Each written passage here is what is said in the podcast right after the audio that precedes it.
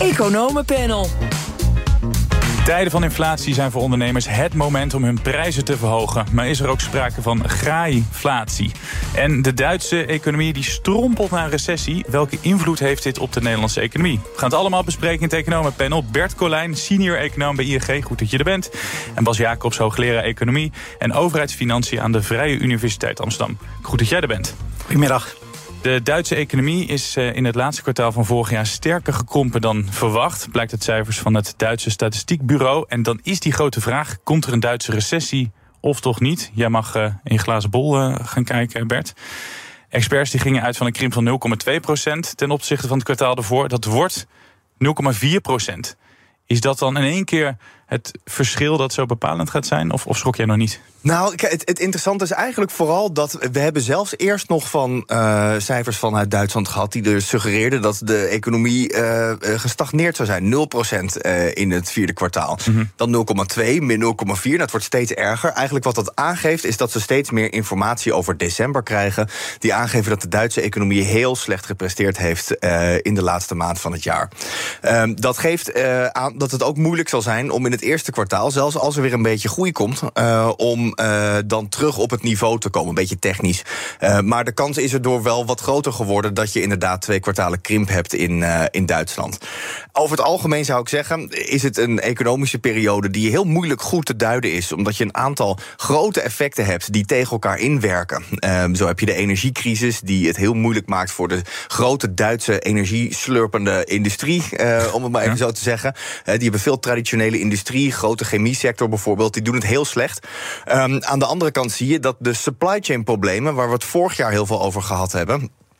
Uh, tekorten aan computerchips bijvoorbeeld, uh, dat die juist heel erg aan het, uh, die aan het minder worden zijn. Dat zorgt ervoor dat die productie kan ingehaald worden. Dus we hebben heel veel auto's bijvoorbeeld die, nou, die aangevraagd zijn of orders voor gedaan zijn, waarvan je nu ziet dat die heel snel van de band rollen, omdat ze dat kunnen, kunnen verbeteren. Als je het allemaal bij elkaar pakt, zou je zeggen, je zit als Europa breed in een economie die een beetje ruwweg stagneert.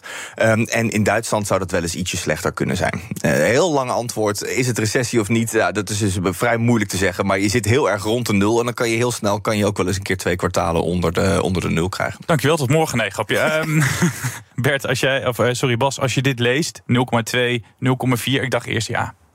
Van dacht ik ook. Ik bedoel, we, moeten, we moeten ook uitkijken voordat we de normale onzekerheidsmarge in de groeicijfers uh, uh, te veel gaan interpreteren. Dus dan zijn we met ruisinterpretatie bezig. Er zit altijd onzekerheid in ramingen, ja. uh, verschattingen, en die worden ook altijd achteraf bijgesteld. Bert die gaf wel aan dat er misschien wel in de loop van de tijd meer informatie binnenkomt die wijst op een, op een afkoeling van de Duitse economie of krimp. Mm -hmm. ik denk dat het niet per se slecht nieuws is. Want we hebben in Europa uh, behoorlijke inflatie. We zien ook dat die inflatie steeds wijd uh, verspreider wordt. De kerninflatie gaat omhoog. Ook de Duitse overheid, net als de Nederlandse overheid, voert een gigantisch ruim monetair uh, begrotingsbeleid. Mm -hmm. sorry, begrotingsbeleid, niet monetair. En dat maakt het voor het monetaire beleid heel ingewikkeld om de inflatie te beteugelen. Want eigenlijk zitten we in Europa toch met overbesteding. En als die Duitse economie nu wat minder hard groeit, dan denk ik dat het op zich goed nieuws is, ook voor de ECB, omdat de Duitse economie natuurlijk veel en zwaar meetelt voor het inflatiecijfer in Europa.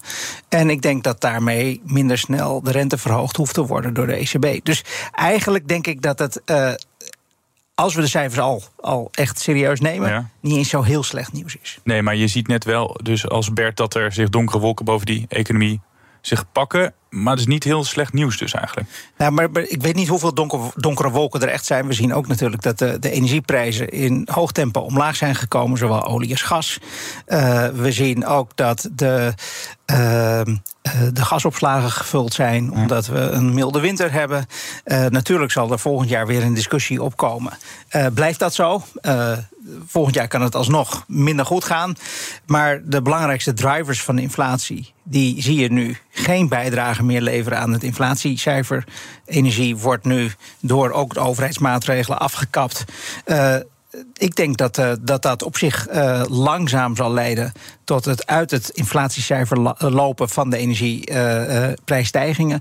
en dat zal ook in de loop van dit jaar leiden tot lagere kerninflatiecijfers. En dat is eigenlijk gunstig nieuws, want dan hoeft de centrale bank minder hard op de rem te staan en minder stijl de rente te verhogen. Kun je een vinden, Bert? Ja, dit is precies wat de ECB probeert te, uh, te doen, inderdaad. Om de economie af te koelen, zodat inflatie minder snel, uh, snel gaat, uh, gaat stijgen. De vraag is um, in welke mate ze dat moeten doen. En daar zit gewoon een hele hoop onzekerheid omheen. Het is heel moeilijk. Maar dat is gewoon bijna niet te plannen, toch?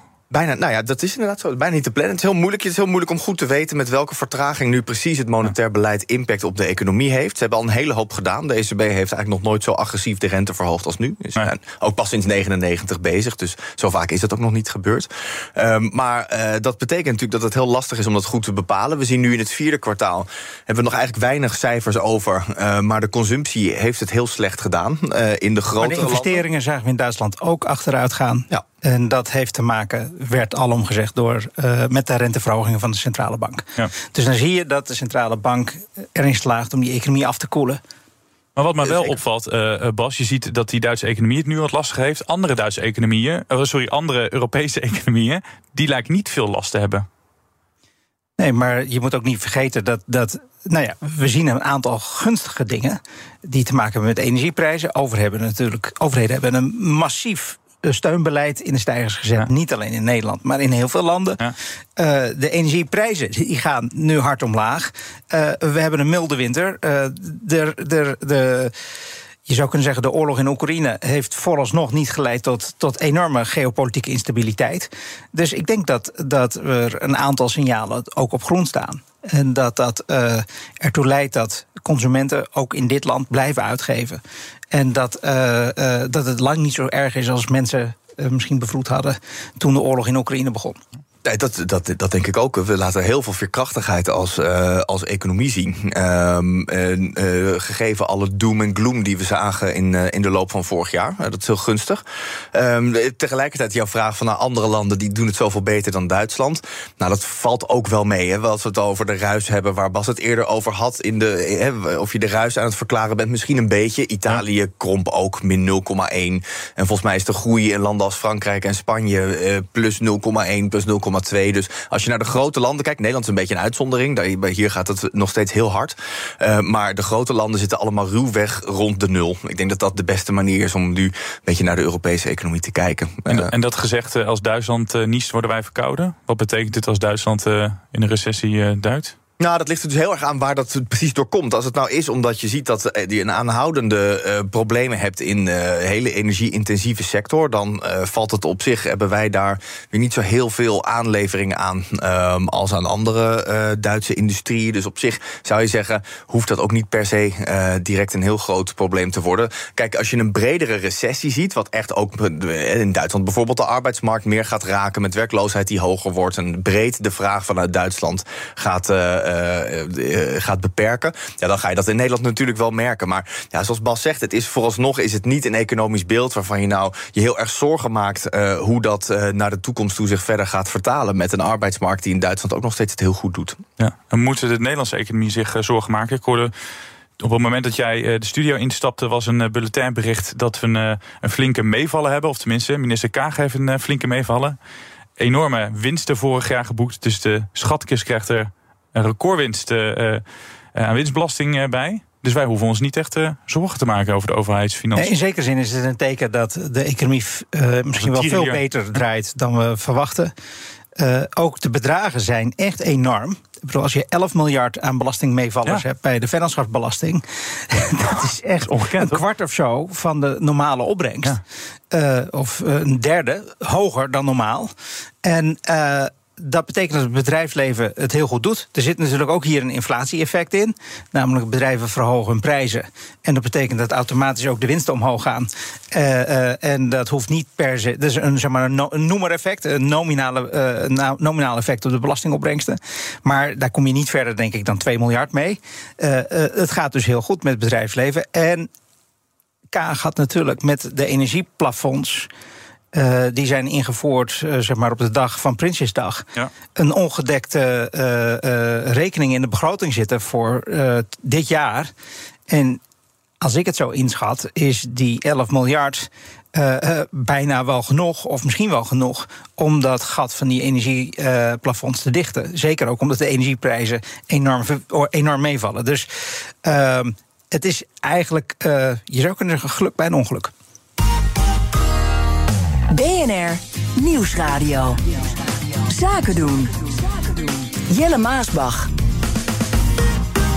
We zitten nog steeds midden in het economenpanel. Vandaag met Bert Colijn, senior econoom bij ING. En Bas Jacobs, hoogleraar economie en overheidsfinanciën aan de Vrije Universiteit Amsterdam.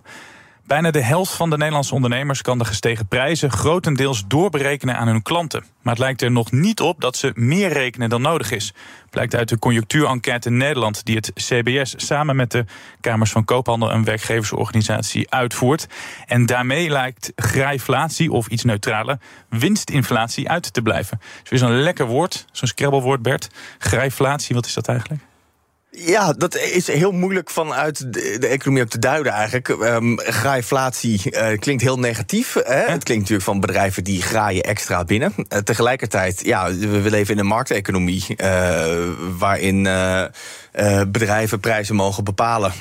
Um, en als ze die uh, veel hoger zetten uh, dan de meeste mensen kunnen betalen, dan wordt de vraag naar hun producten een hele hoop minder.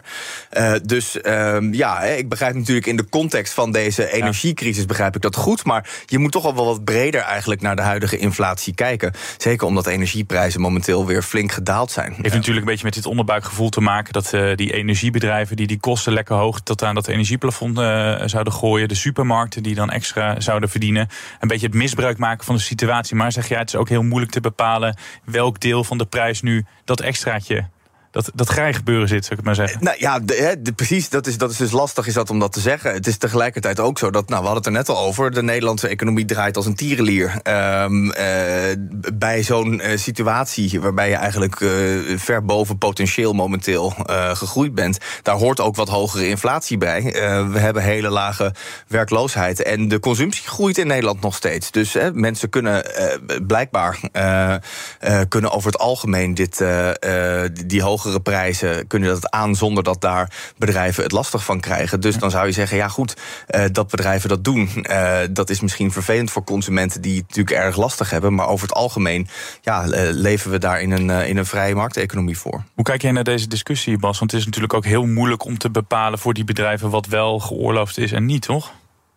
Nou, normaal gesproken hoef je dat ook helemaal niet te bepalen. Als je in een markt zit met vrije mededinging, vrije toe- en uittreding, goede concurrentie, dan zorgen de krachten van concurrentie er vanzelf wel voor dat als je te hoge prijzen uh, vraagt, dat je uit de markt wordt gedreven.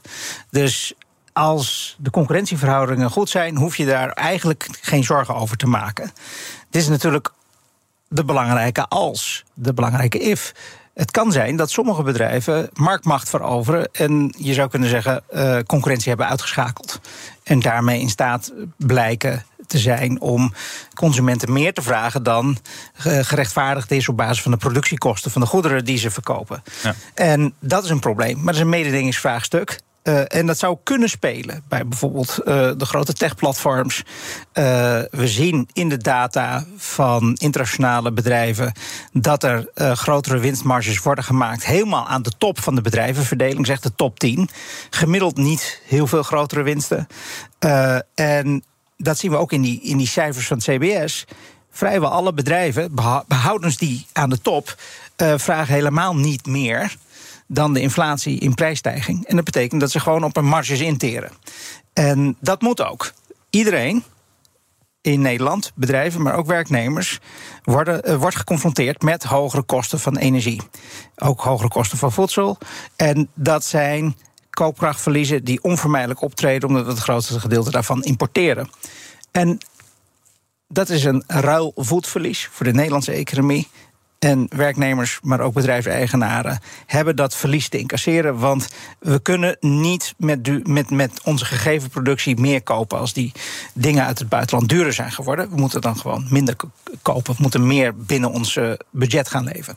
Dus dat bedrijven interen op hun marges hoort net zo goed bij bij de economie met een, een externe schok op de invoerprijzen als werknemers, die nu minder krijgen dan de inflatie aan loonstijging. En dus in die zin maak ik me ook niet zo heel veel zorgen. Nee, maak jij je zorgen? Want je zou aan de andere kant ook kunnen zeggen... we hebben lekker veel kunnen sparen in coronatijd. Hè? Toen konden niet veel uitgeven.